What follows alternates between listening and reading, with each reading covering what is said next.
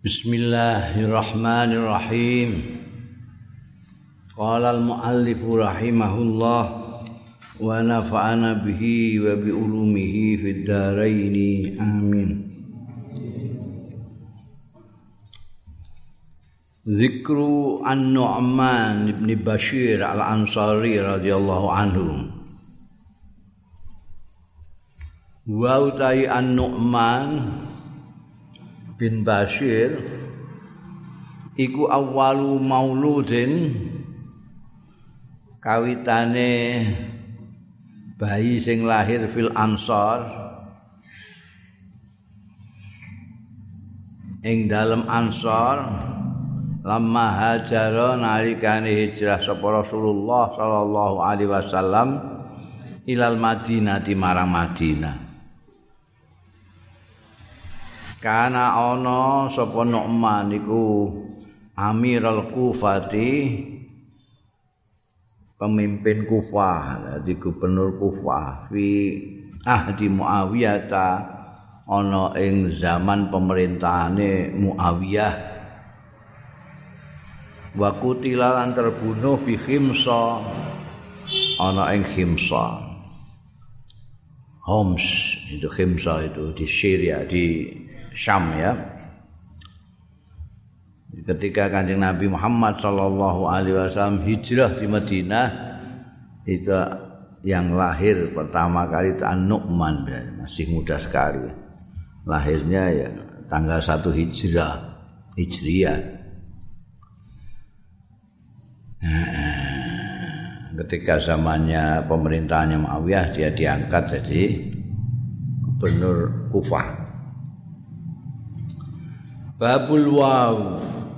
Bab waw saiki. Zikru walisa wasila tabnil asqa al-laisi radhiyallahu anhu. Wasilah bin al-asqa iki min ahli suffah termasuk ahli suffah tuna wisma sing manggon ning Masjid Nabawi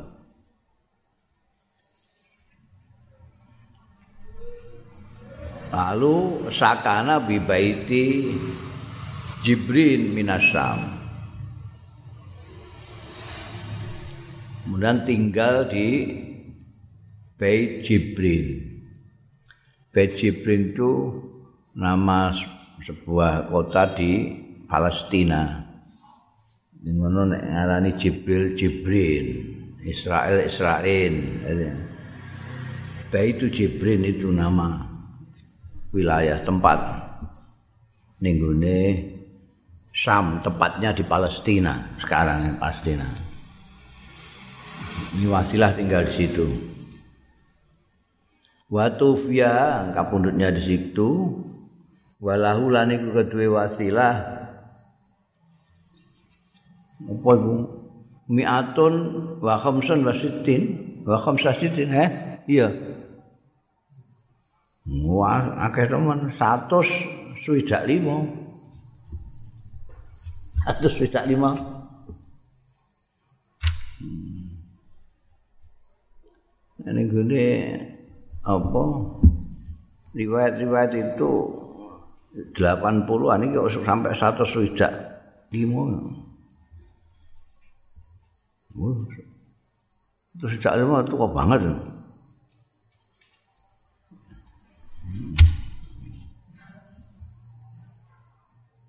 Iku kayak catatan itu.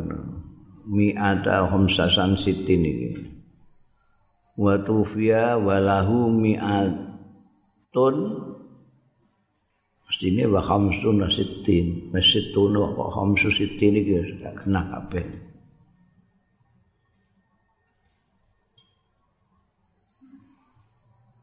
Ini catatan pinggir kitabmu perlu dilihat di referensi yang lain ini asadul ghobah apa ini apa? Khiliatul asfiya itu maksud. Kuliah ini kitab-kitab yang tentang sahabat itu. Meragukan satu swidak satu swidak limo satu swidak satu tidak lima kalau hari supang kita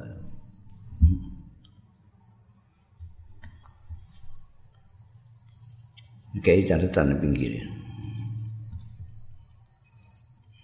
fi ta'ammul apa piye Zikru Wabisah bin Ma'bad al-Asadi. Aspana beliau dari kebilah Asad.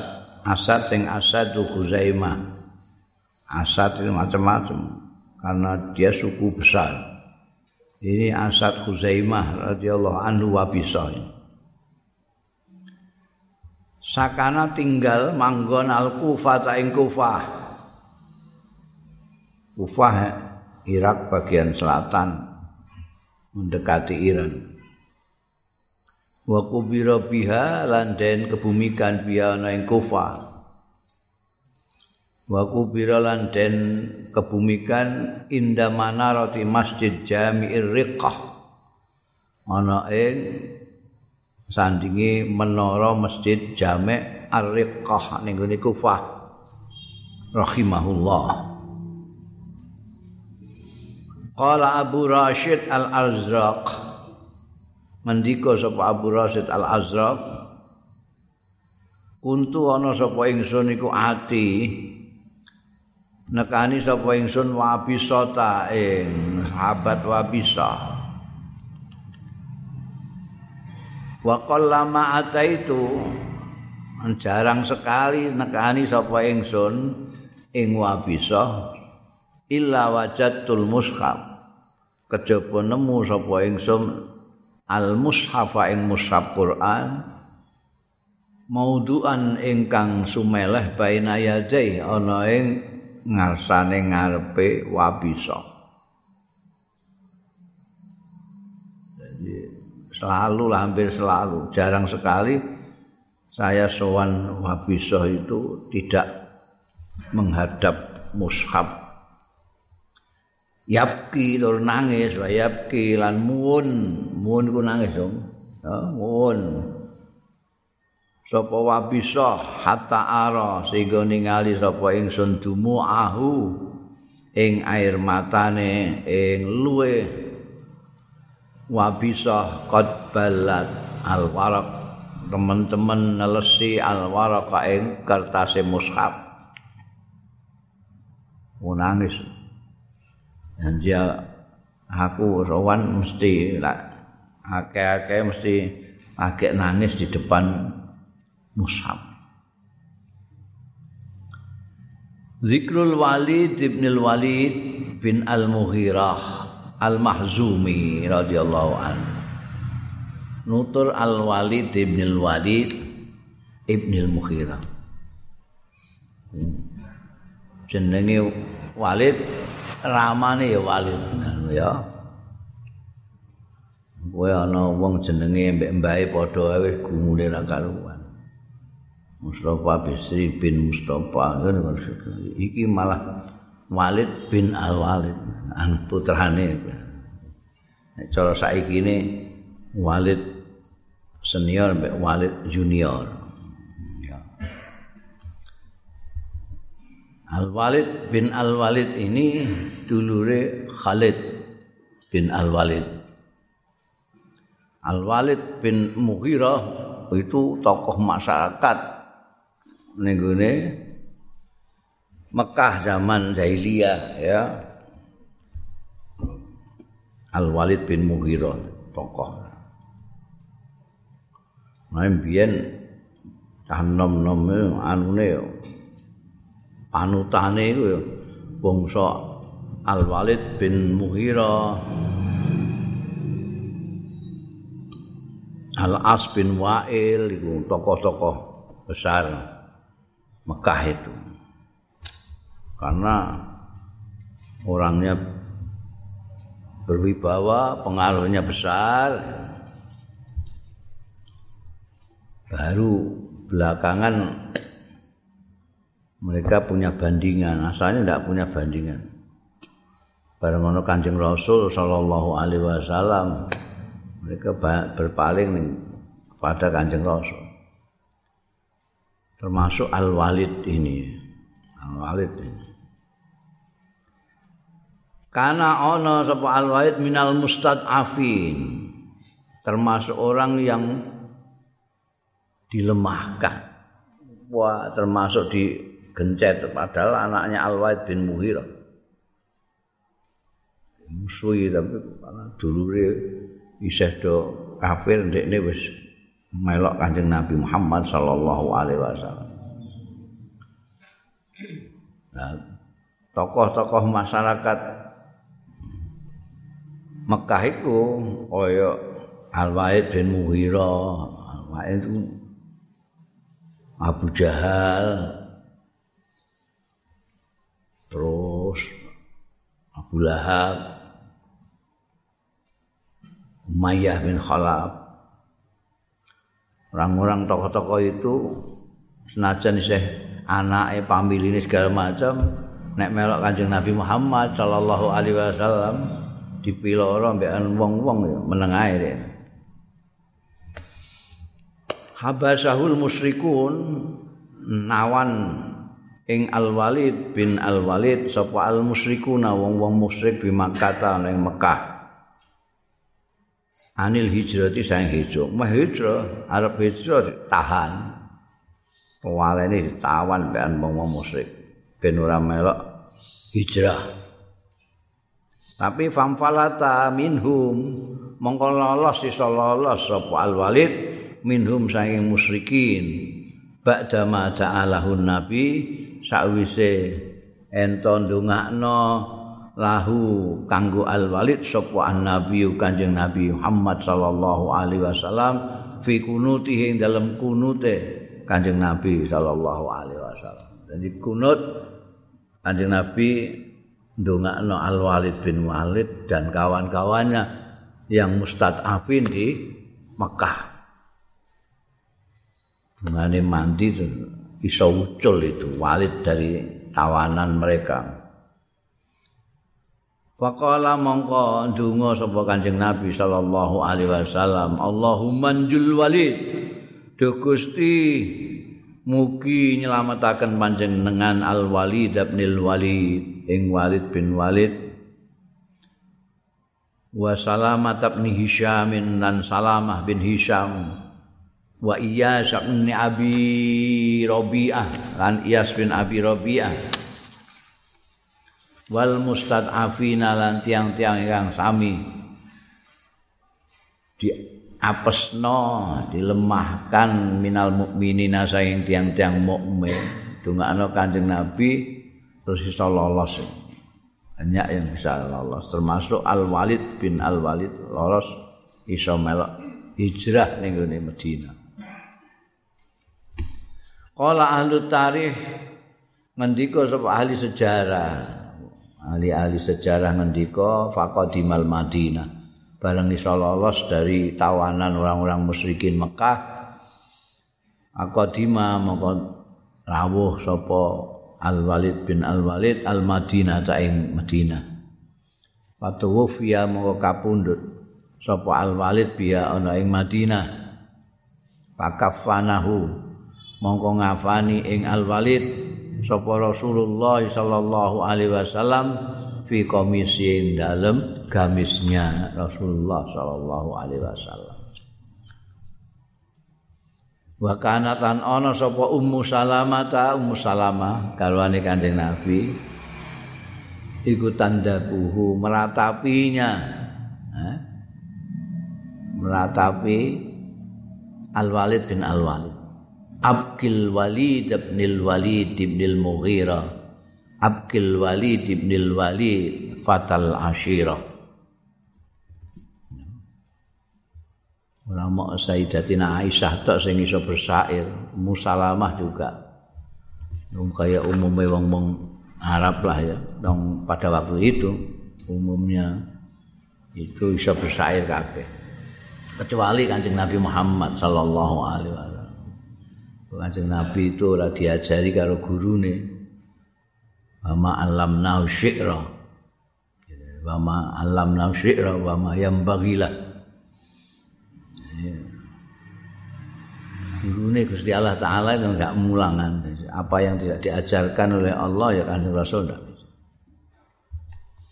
nya iso bersair malah dituduh wah itu pengembangan dari kreativitas dari bersairnya dia terus bikin ayat-ayat ngono. Karena orang tahu semua bahwa Anjing Nabi Muhammad Sallallahu Alaihi Wasallam tidak bisa bersair, jadi mereka takjubnya lebih hebat ketika Kanjeng Nabi menyampaikan ayat-ayat Al-Quran yang di atas segala syair itu, keindahannya.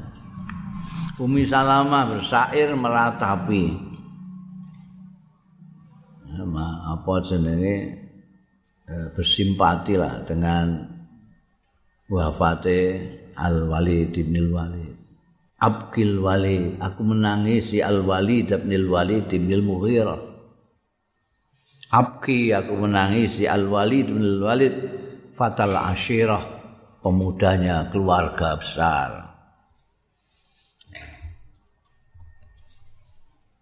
Babul hak bab hak tekan hak berhak wawu alif Zikru Hisam bin Utbah bin Rabi'ah radhiyallahu anhu. Ini tokoh besar lagi ini. Anaknya tokoh besar lagi. Hisam bin Utbah bin Rabi'ah radhiyallahu.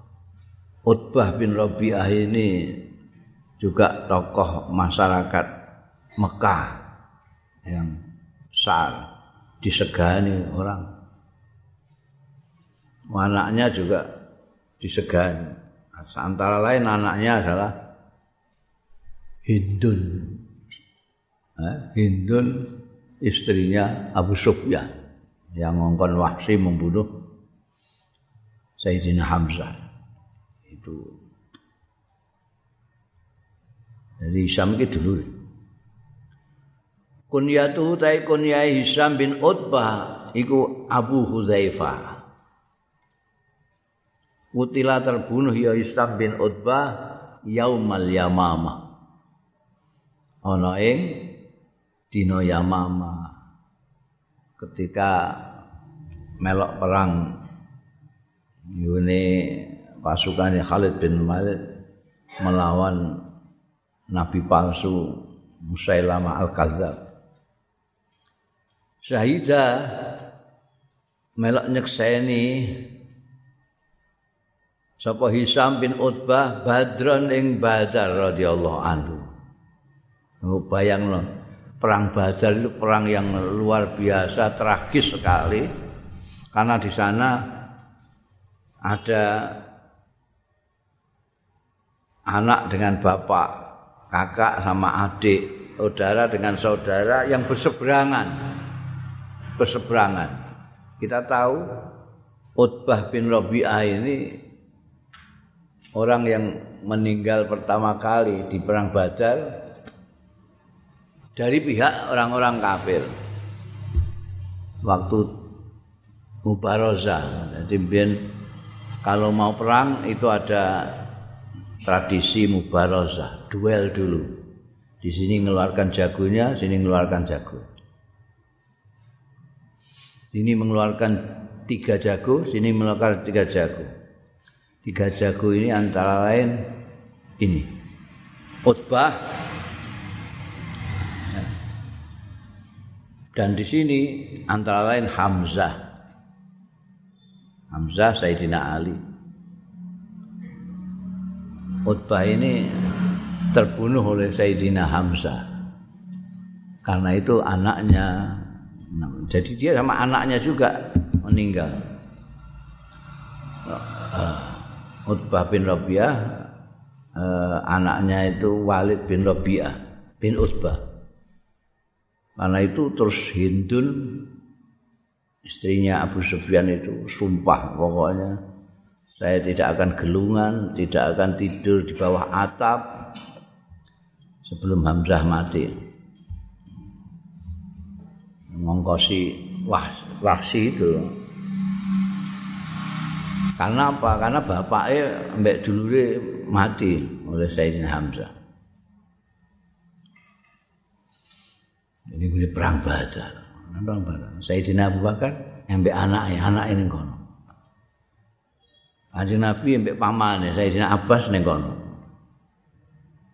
Sayyidina Abbas enggak enggak terbunuh tapi ditawan. Karena apa? Karena lahiriah ikut pasukan orang-orang kafir di bawah pimpinan Abu Jahal. Meskipun hatinya jane wis melok Kanjeng Nabi Muhammad sallallahu alaihi wasallam sejak lama ya. sejak ngeterno kanjeng Nabi meng, apa menerima orang-orang Ansor dari Madinah dulu itu. Zikru Hisham ibn al-As. Sekarang Hisham bin al-As bin Wa'il. Nek mau Hisham bin Utbah itu dulure dulure Hindun bin Utbah bin Rabi'ah, Hisam bin Al-As bin Wa'il, kamu bisa menebak sendiri. Ini saudaranya Amr bin Al-As bin Wa'il. Al-As bin Wa'il salah satu tokoh masyarakat Mekah seperti Utbah, seperti siapa tadi itu? Nah, Al-Walid bin Mughirah termasuk sesepuh. Kutila terbunuh ya Isam bin As bil Yarmuk. Ana ing Yarmuk. Ini sudah perang melawan bukan orang Arab itu. Apa? Sudah keluar dari eh, Mekah Medina di Yarmuk.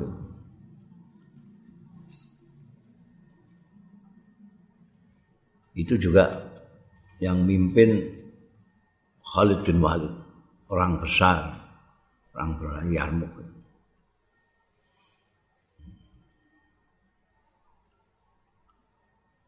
Syahidah lahu Nabi nyekseni lahu marang Hisam bin Al-As apa Nabi Kanjeng Nabi sallallahu alaihi wasallam bil iman kelawan iman. Jadi saksikan bahwa Hisam bin As adalah orang mukmin. Ruwiya dan riwayatake Nabi Jahmin bin Khauzifah bin Khuzaifah. Kala ngendika Abu Jahmin bin Khuzaifah Intolaktu budalan sapa ingsun yaumal Yarmuk pada peristiwa Yarmuk atlubu ibnu ammi goleki sapa ingsun ibnu ammi ing anake pamanku anake pamanku sapa apa misanan Hmm? Anake paman ku misanan apa? Pupu apa? Heh? Heh? Pupu ya misanan iku. Wa ma'ilan iku kedue ingsun sanatun min ma'in. Lanah itu grebo cilik. Jadi grebo cilik. Jadi mungkin hanya sak sempole wedhus tok iku. Nek sing gripo iku sak wedhus utuh. Digawe wadah banyu.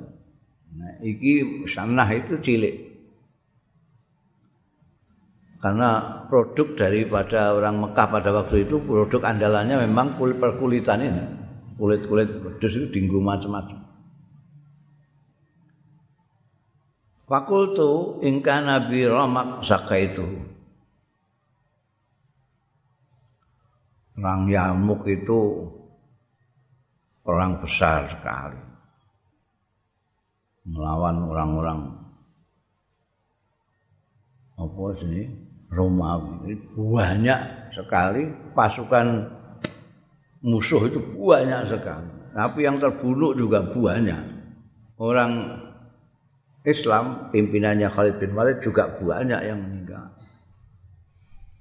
Antara ini Hisam bin As. Aku goleki anake pamanku sepupu.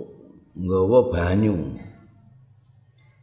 Maksudku fakultu mau membatin sapa ingsun. Ingkana bihi romak. Lamun ana bi lawan Ibnu Ami apa romak sehono nyawane romakone sisa umur romak itu sisa nyawa nek di Indonesia ana sisa nyawane saka itu engko aku ngombeni sapa ingsun ing ibna ammi. Minal mai sange banyu sing tak gawa nggawa banyu goleki di antara korban-korban ada perang Yarmuk itu. Engko tak ombeni wa masah tubihi lan masuk sapa ingsun bihi kelawan ma wajahu ing raine ibna ammi Fa idzan ana mongko dumadaan utawi ingsun bihi ketemu karo Ibnu Ami. Yan sahu ale menggeh-menggeh. Kayak orang yang mau meninggal sudah napasnya sudah naik turun. Fakultu mongko matur sapa ingsun askika ombeni piye? Aski kang ngombeni sapa ingsun ning sampean Pak Asara wis iso ngomong Pak Asara mongko aweh isyarat sapa Ibnu Ammi an tegese naam dadi isyarat sing ya mantuk ngono. Fa idzan rajulun mongko dumadaan ketika dia mau saya kasih minum ana wong lanang neh. Yakulu sing ngucap ya rajul ah ah. Mengadu ah ah krungu ngono fa asyara. Mongko aweh isyarat sapa ibnu ammi. Anake pamanku terus nek isyarat an tegese intalik bi ilai tegese berangkat sira bi iklan go banyu mau ilahi marang rajul iku mau iku sajaane luwih parah timbang aku ngono nek iso neman ngono ngono. Dene mau menggeh-menggeh tok tapi iku ngantek ah ah iku ditudingi kon wehno iku sik.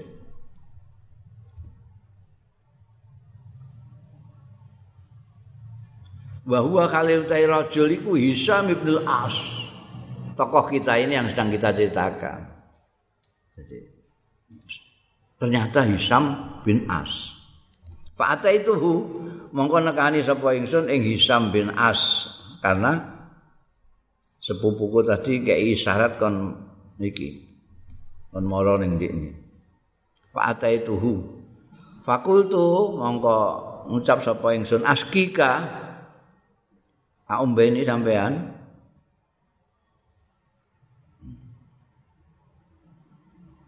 mantuk tapi fasami akhir mongko mireng sapa Hisam bin Al As akhara ing wong liya neh pakola mongko ngucap sapa akhir ah ah fa asyara mongko aweh isyarah sapa Hisam. An tegese intalik rono ae budala bi kawan banyumu ilaihi marang akhir mau Kala mongko. Ngendika sapa Abu Jahmin bin Hudzaifah fajik tuhu mongko nekani sapa ingsun? Hu ing akhar faizan huwa mongko dumadaan huwa utahi akhar iku qatmat teman-teman wis kapundhut para jaktu ila hisam. Mongko bali sapa ingsun ila hisam marang hisam sing pertama tadi kedua tadi Faizan huwa maka dumadaan huwa utahi Hisam iku kot mata teman-teman kapundut wis kapundut juga. Summa itu yang pertama kali mongko nekani sapa ingsun Ibnu Ami ing anake pamanku mau sing pertama. Faizan huwa mongko dumadaan huwa utahi Ibnu Akhi iku kot ma teman-teman kapundut ya Ibnu Akhi rahimahullah. Oh, ini menarik sekali. Ini yang jenenge isar. Isar. Isar itu dulu sudah menjadi budaya di kalangan sahabat-sahabat Kanjeng Nabi antara Ansor dan Muhajirin itu ya. Isar itu mendahulukan orang lain meskipun diri sendiri perlu. Saya perlu minum tapi ada orang lain yang juga perlu minum, saya ngalah saya berikan. Itu namanya isar. Mungkin apa bahasa ini apa itu bisa. Jadi mendahulukan orang daripada dirinya sendiri.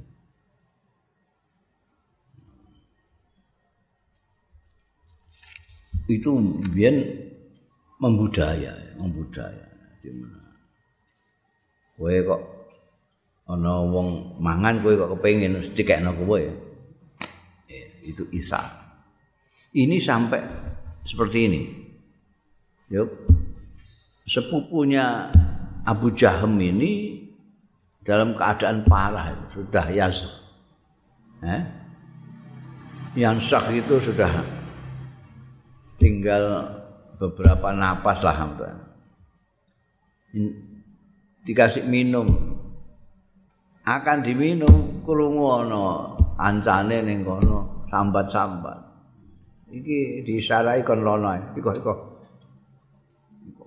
Nek iso geneman sing iko luwih penting luwih butuh timbangane aku.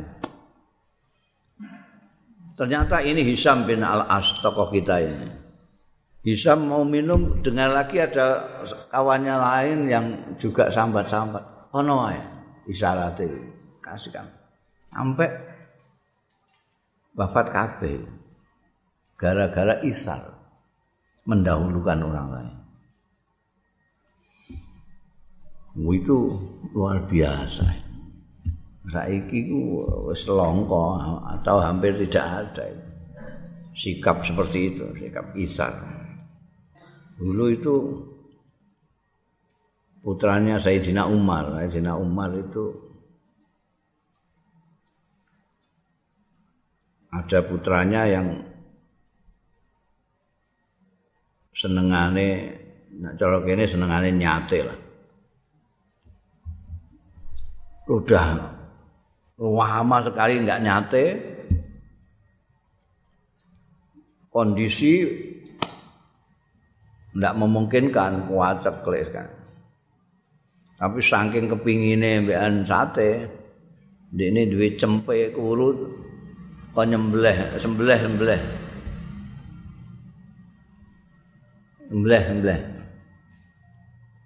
Aku pengen mati banget ini. Disembelih, mbleh. Disembelih. Masak presiden teko Bapak Umar bin Khattab.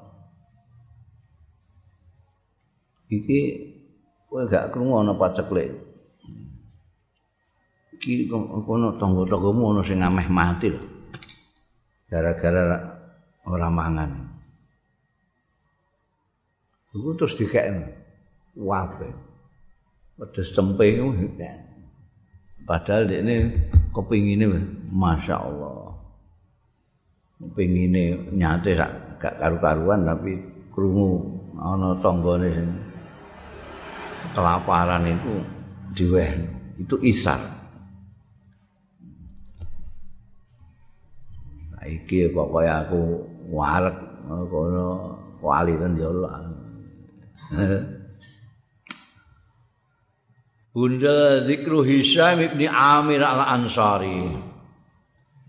Sekarang Hisham bin Amir al-Ansari. Kalau tidak salah, minggu ini perang Yarmuk itu saudaranya Hisham juga menjadi panglima itu. Amr bin Asid bersama-sama Khalid bin Al-Walid. Zikru Hisam bin Amir Al-Ansari radhiyallahu anhu. Qala Umayd bin Hilal Kana rijalun minal hayy yatahattauna Hisam bin Amir. Ana sapa rijalun wong-wong lanang minal hayy saking daerahe Hisam bin Amir yatahattaun yatahattuna Hmm, melampaui ngliwati. Hisam bin Amir ing Hisam bin Amir diloncati ila Imran bin Hasin bin Husain. Sampai ke Imran bin Husain padha sekabate. Wa ghairi lan liyane Imran bin Husain min ashabin Nabi saking sahabat-sahabate Kanjeng Nabi Pakola mongko ngendika sapa Hisam bin Amir, innakum la tahutuni. tune sira kabeh iki nglumpati sira kabeh ingsun ilari jalin marang wong-wong tokoh-tokoh makan kang ora ana ya rijal ora ana iku bi ahdara awan luweh menangi luweh menangi Rasulullah ing Kanjeng Rasul sallallahu alaihi wasallam wala aua lan ora luweh nyimpen li hadisihi marang hadise Kanjeng Rasul sallallahu alaihi wasallam mini ngkuli timbangane ingsun. Dadi wong-wong iku nggone daerah Hisam bin Amir. Do ngliwati Hisam bin Amir. Terus marani sahabat yang lain Imran bin Husain dan lain-lainnya, dia diliwati.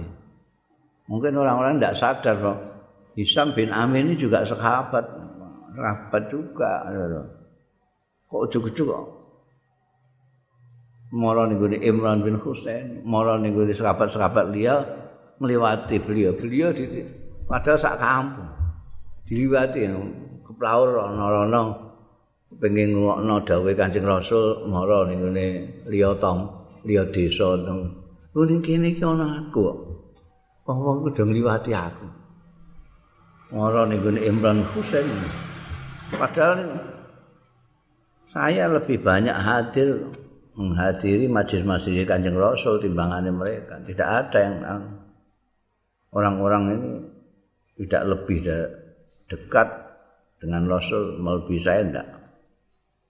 Umpamane apa padha-padha ngrungokno dawuh Kanjeng Nabi, saya tidak kalah hafalnya daripada mereka. Cukup-cukup ning Imran bin Husain ora lewat aku sik kan jenengan mireng napa sing kanjeng Nabi? Sami itu mireng sapa ingsun? Rasulullah ing kanjeng Rasul sallallahu alaihi wasallam yaqulu ngendika ya Rasulullah sallallahu alaihi wasallam ma baina halqi adam ila antaku masa'ah ma baina khalqi adam ila antaku masa amru ora ana antarane penitaane nabi adam ila antakuma temekane yen to jumeneng apa satu dina kiamat apa amrun perkara? Akbaru kang luwih gedhe minat dajjal timbang dajjal. Menyampaikan hadis ini sambil protes sih mau. Wong-wong kok do ora gelem. Kok aku aku ku ya cedhek cedak mek Kanjeng Nabi. Aku tahu mireng Kanjeng Nabi Muhammad sallallahu alaihi wasallam dawuh ma baina khalqi adam ila antaku masaah amrun akbaru minad daj sejak Nabi Adam dititahno sampai nanti itu hari kiamat itu ada hal yang besar itu tidak ada yang melebihi adanya dajjal nanti itu. Bisa bayang no, kira-kira peristiwa metune dajjal itu kayak karena disipati kanjeng Nabi kok antara penitaan Nabi Adam sampai kiamat tidak ada. Yang lebih besar melampaui dajjal. ada yang godo menuso ngaku-ngaku pangeran.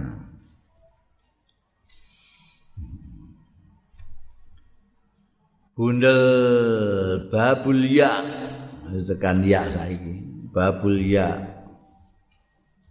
Bab ya zikru Yazid bin Abi Sufyan.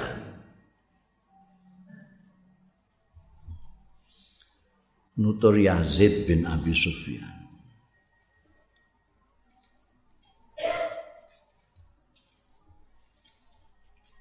Radhiyallahu anhu. Ba'athahu Abu Bakrin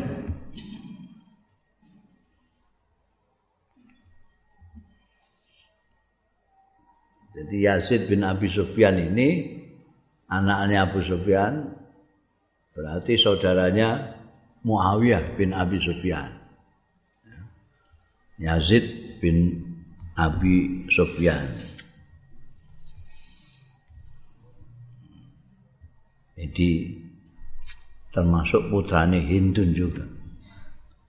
Ba'asau ngutus ing Yazid bin Abi Sufyan sapa Abu Bakrin, sahabat Abu Bakar radhiyallahu anhu ila Syam, maring Syam. Fakharaja moko miyas sapa sahabat Abu Bakar ma'ahu sartane Yazid musayyan hale nguntapake masian tur melampah. Yo. Ini zaman sahabat Abu Bakar menjadi kepala negara ganteni Kanjeng Rasul sallallahu alaihi wasallam itu ngirim Yazid bin Abi Sufyan untuk mimpin pasukan ke Syam. Itu seperti waktu Kanjeng Nabi Muhammad sallallahu alaihi wasallam nguntapno Muaz bin Jabal ketika dikirim ke Yaman. Muaz sudah naik kendaraan, beliau jalan kaki nguntap ma'asalama ini juga gitu. Oleh Pak Abu Bakar Siddiq ketika ngirim Yazid bin Abi Sufyan diuntap no ambean melaku kabar Abu Bakar jalan kaki Yazid sudah naik kuda. Midohno penghargaannya Abu Bakar terhadap Yazid bin Abi Sufyan. Qala ahli tarikh andika sapa ahli sejarah? Yazid bin Abi Sufyan. Utai Yazid bin Abi Sufyan iku ahadu umara il ajnad salah satu panglima-panglimane pasukan-pasukan. Karena pimpinannya banyak karena perang Yarmuk yang melawan pasukane Kaisar Heraklius itu. Oh, itu menurut perkiraan modern itu lebih dari 140 ribu. Sementara pasukannya Khalid CS ini 40 ribu. 40 ribu. Jadi Abu Bakar Siddiq mengirim empat panglima. Kana yaumul yarmuk ana apa yaumul yarmuk perang yarmuk itu pertempuran yarmuk itu ala rubil jais dibagi menjadi empat pasukan empat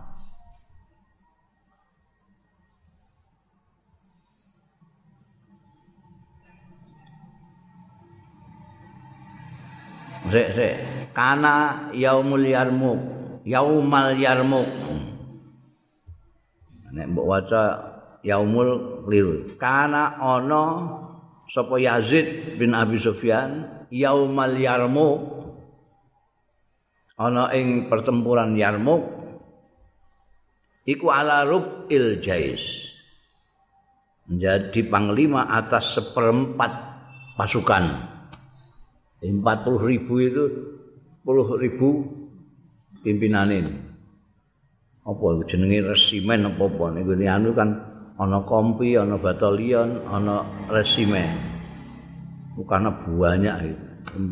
Jadi seperempat itu dipimpin oleh Yazid bin Abi Sufyan. Wa Surahbil bin Hasanah lan Surahbil bin Hasanah sahabat yang satu lagi iku mimpin ala rupin dengan tari seperempatnya yang seperempat lagi. Wa Abu Ubaidah bin Al-Jarrah. An Abu Ubaidah bin Al-Jarrah ala rubin. Ing atas seperempat lagi. Wa Amr bin Al-As ala rubin. Di atas semua itu empat panglima itu ada panglima besarnya Khalid bin Al-Walid.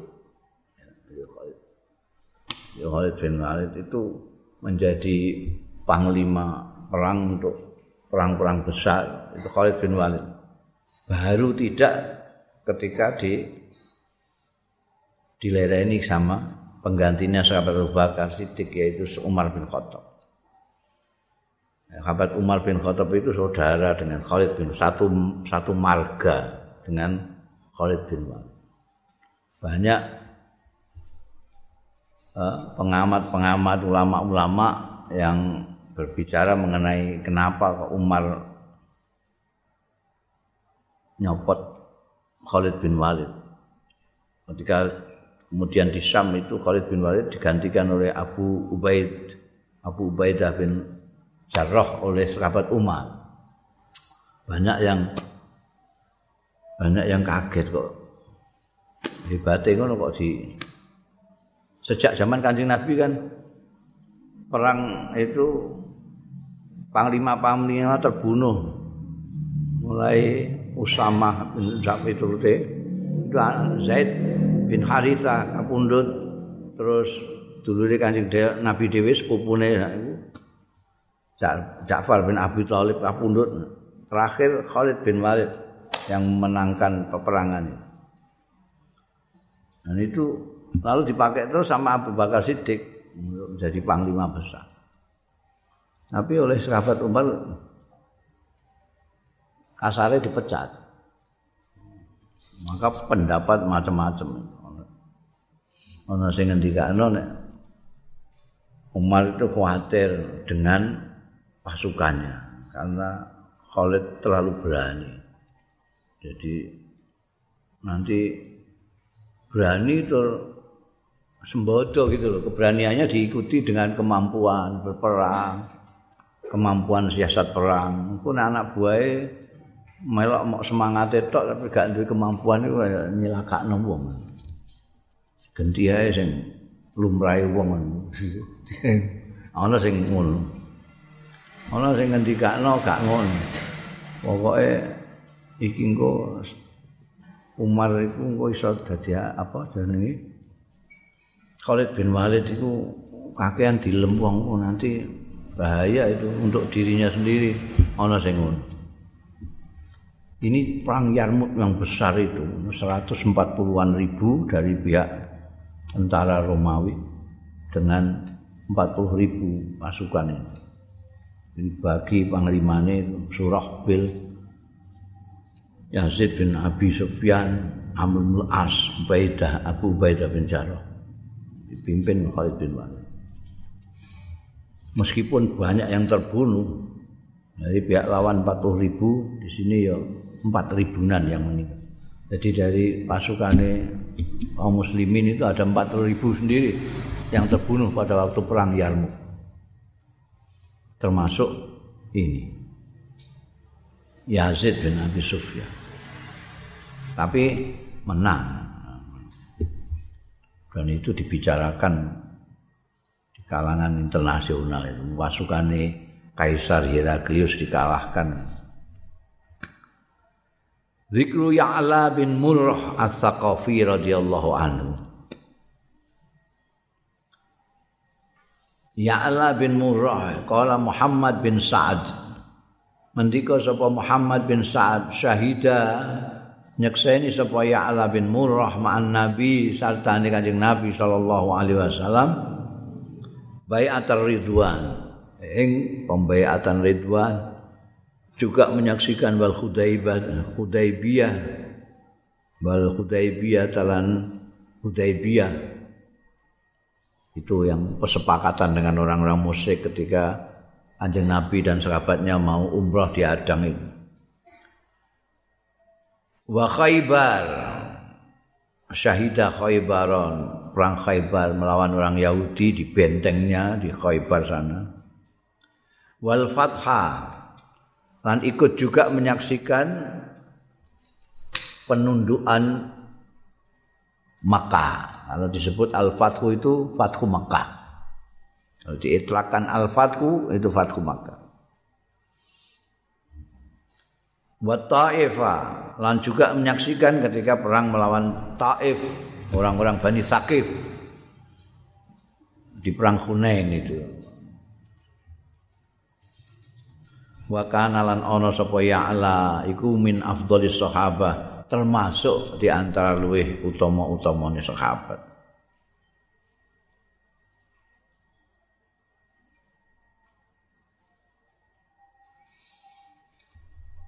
Kala mendika sapa Ya'la bin Murrah ini beliau sendiri yang bercerita ini.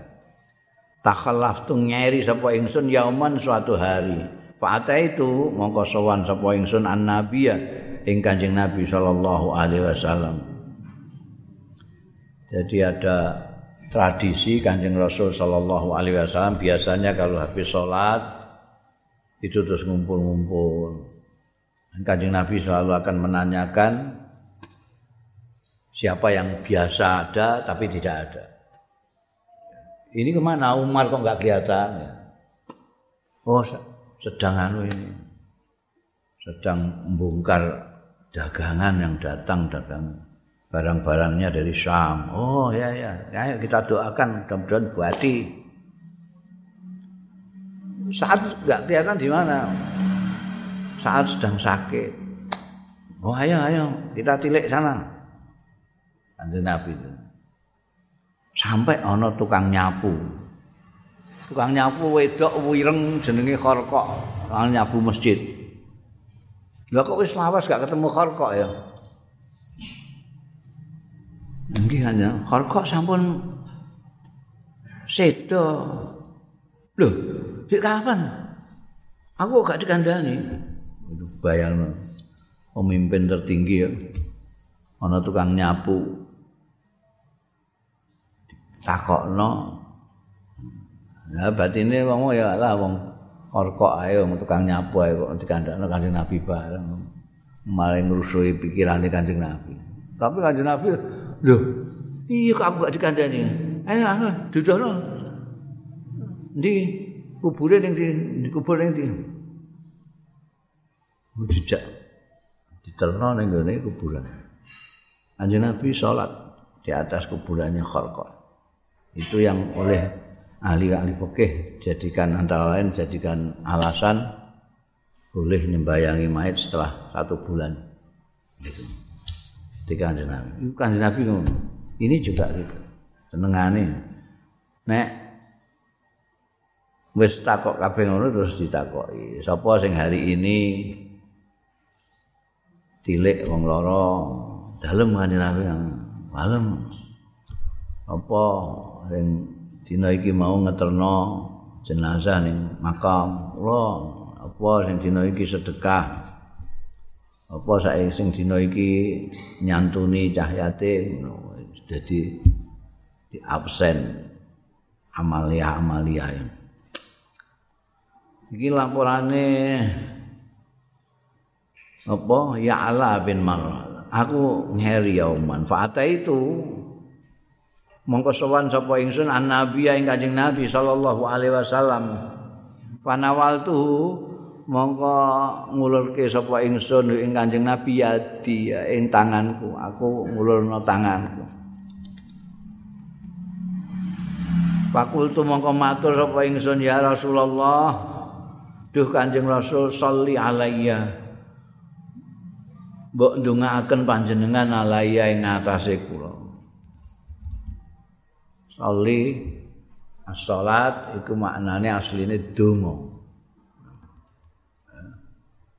Mulane wong Jawa mbiyen salah tompo karena selawase ngertine nek salat iku ya sembayang iku. Nalika dikandakno nek sak durunge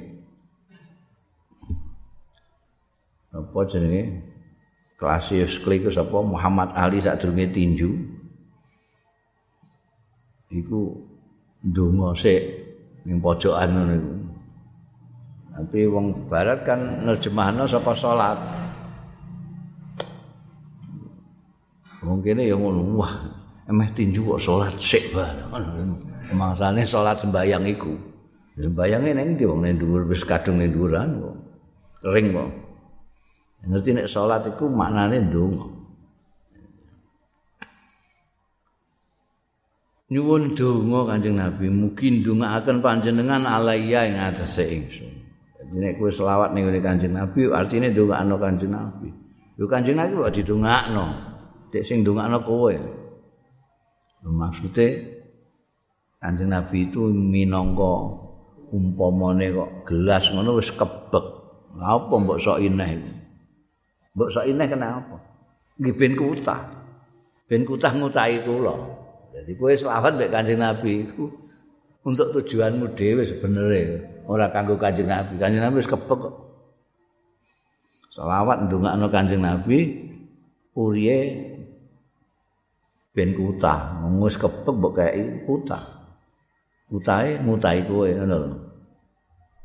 Sholli alayya Kanjeng Nabi. Kanjeng Nabi ora terus ndonga tapi terus dawuh Kanjeng Nabi. Mahadzal ladzi ala yadik. Lho iki apa? Tawi apa iki? Alladzi ala yadika ing atase tangan.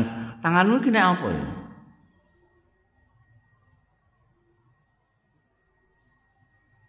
Wah, iku mau takolap tuh keliru tuh ya mau ya. Takolap tuh mau keliru tuh mana nih? Mau menikah mau piye? Takolap tuh itu nganggo mewangen sing khusus kanggo wong wedok. Parfum. Nek ana misik barang iku kanggo wong lanang. Tapi kanggo wong wedok iku ana dhewe. Parfum itu saiki pun ya ada. Mok kowe tok sing ra roh. Wong kowe ora tau kenal parfum ya. Parfummu alami ngono ae. Kering. ya asli. Nek iku ana ket mbiyen ngono khalf khalf itu. Itu parfum khusus itu jadi dia menggunakan itu takhallaf tuh ketika itu tanganmu kena apa ya kultu takhallaf tuh kula ngangge parfum kanjeng Nabi. Kala dawuh kanjeng Nabi, alaka imraatun ana kowe duwe bojo? Kowe kan jomblo. Eh kok ana? Iya. Kowe duwe bojo ta? Kudu lak mboten kan nabi jomblo. Ola ala kasariya kowe duwe sariya sariya itu budak wedok. Kultu lak mboten Itu apa? Kala fantalik. Dawuh sapa kanjeng fantalik wis kana budal faksilhu. Monggo nyuci sira. Hmm. Eh? Cuci ku kalihmu itu. Parfum sumaksilhu sumaksil. Kumbah, kumbah. Kumbah sing resik bulan baleni. Malah taut mongko aja baleni sira. Pantolak tu mongko budalan sapa ingsun fakta sal tu mongko basuh sapa ingsun salah samarat telu pira-pira ambalan. Suma ada itu kari-kari sowan meneh sapa ingsun an nabi ing kanjeng nabi sallallahu alaihi wasallam fakultu maka matur sapa ingsun sholli alayya panjenengan dongaaken kula kanjeng Nabi sholli mugi dongaaken panjenengan alae ngatasé kula. Fasala maka dongakno sapa kanjeng Rasul sallallahu alaihi wasallam alayya jadi kanjengan gak kersa. Padahal kanjeng Nabi itu seneng nganggo wewangen tapi ora wewangene wong wedok. Wangen khusus wong lanang. Kan terkenal di kanjeng Nabi dawuh ubi balayya anisa wa tib Makuratu aini fi shalah. Iki apa? Khusus kanggo wong wedok iku ana. Jadi ya. Ya, bahkan kanjeng Nabi gak kersa ndongakno. Kalau si isik baleni jomblo ae nganggo wangi-wangi bareng.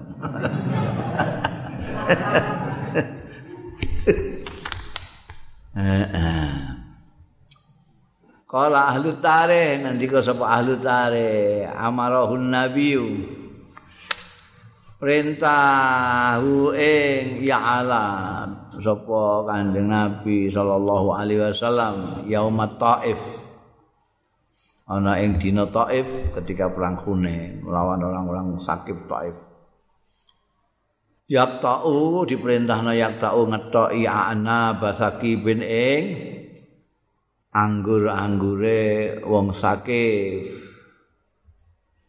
Kala ngendika Kanjeng Nabi sallallahu alaihi wasallam mangkata anakhlah falahu kadza wa kadza minal ajri. Sapane wong sing ngetok nakhlatan ing nakhlah itu wit kurma. Nek wit anggur iku karom.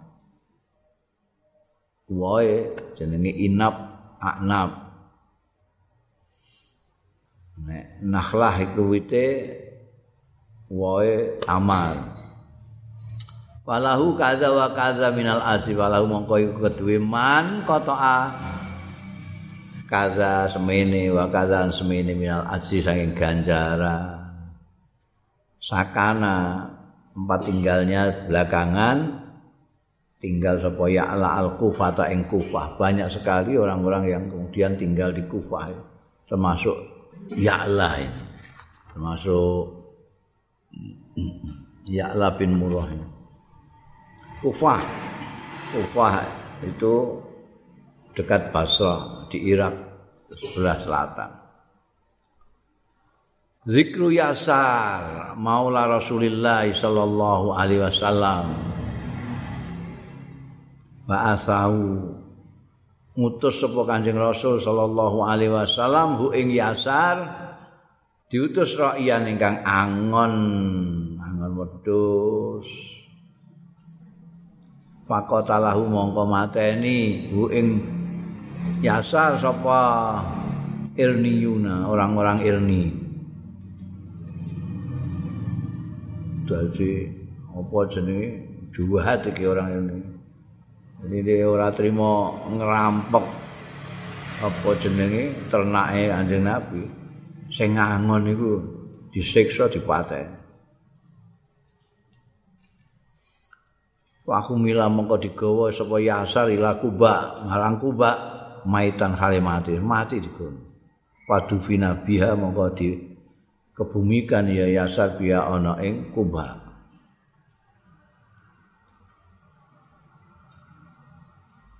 Yang kemudian apa? Dibalas eh, perang dengan orang-orang Irniun itu gara-gara roinya anjing Nabi dibunuh mazlum. Kala ahli tarikh ngendika sapa ahli sejarah nazara ilahi mirsani ilahi marang yasar sapa nabi kanjeng nabi sallallahu alaihi wasallam wa huwa khali utawi yasar iku yuhsinu bagusake as-shalata ing sembayang fa taqahu mongko merdekakno sapa kanjeng nabi ing yasar. Mulane maulane kanjeng nabi itu maula itu adalah bekas budak atau bekas bendoro. A bendoro B budak. A itu maulanya B B maulanya A. Yasar ini dulu budak kanjeng Nabi dimerdekakno. Maka dia maulane kanjeng Rasul. Kanjeng Rasul maulane Yasar. Ya. kanjeng Nabi kayak sekapat tahu bakar barang itu banyak maulanya karena sering memerdekakan budak. Malah sekabat Abu Bakar itu nukoni budak terus dimerdekakan mereka maka banyak yang masuk Islam di tangan sekabat Abu Bakar. Ini kanjeng Nabi itu ndelok yasal cahangon sembahyang kok apik? Langsung dimerdekakan Bunda zikru Yasir. Zikru Yasir bahwa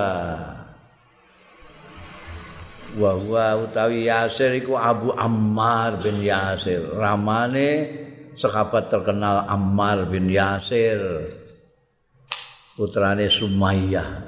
Yang pertama kali disiksa mbek wong Mekah itu. Ibune sampai kapundhut. Karena ana sapa Yasir iku minal muadzabi termasuk orang-orang yang disiksa fillahi ing dalem nyekeli agama Gusti Allah. Itu dipetenteng karo sak garwane. Garwane Sumayyah, Yasir gawan Sumayyah, putrane Ammar disiksa kabeh telu. Karena ndak mau apa balik nyembah lata uzza barang gak Ruya an Jabirin dan riwayatake saking sahabat Jabir radhiyallahu anhu qal Mendika sapa Jabir marran Nabi lewat sapa Kanjeng Nabi sallallahu alaihi wasallam bi Ammar kelawan Ammar wa ahli lan keluargane Ammar dituale iki petenteng ning disalib Kanjeng Nabi lewat. Wahum hale utawi amal sak dulure sak keluargane. Yu azabuna disiksa Waqala mongko dawuh sapa Kanjeng Rasul sallallahu alaihi wasallam absiru absiru bunga sira bunga sira.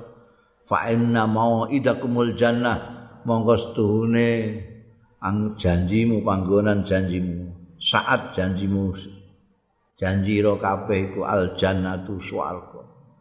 Swarga wallahu alam bundel ing qada zikru sahabat. Wis rampung apa nutur sahabat ridwanullah alaihim ajmain.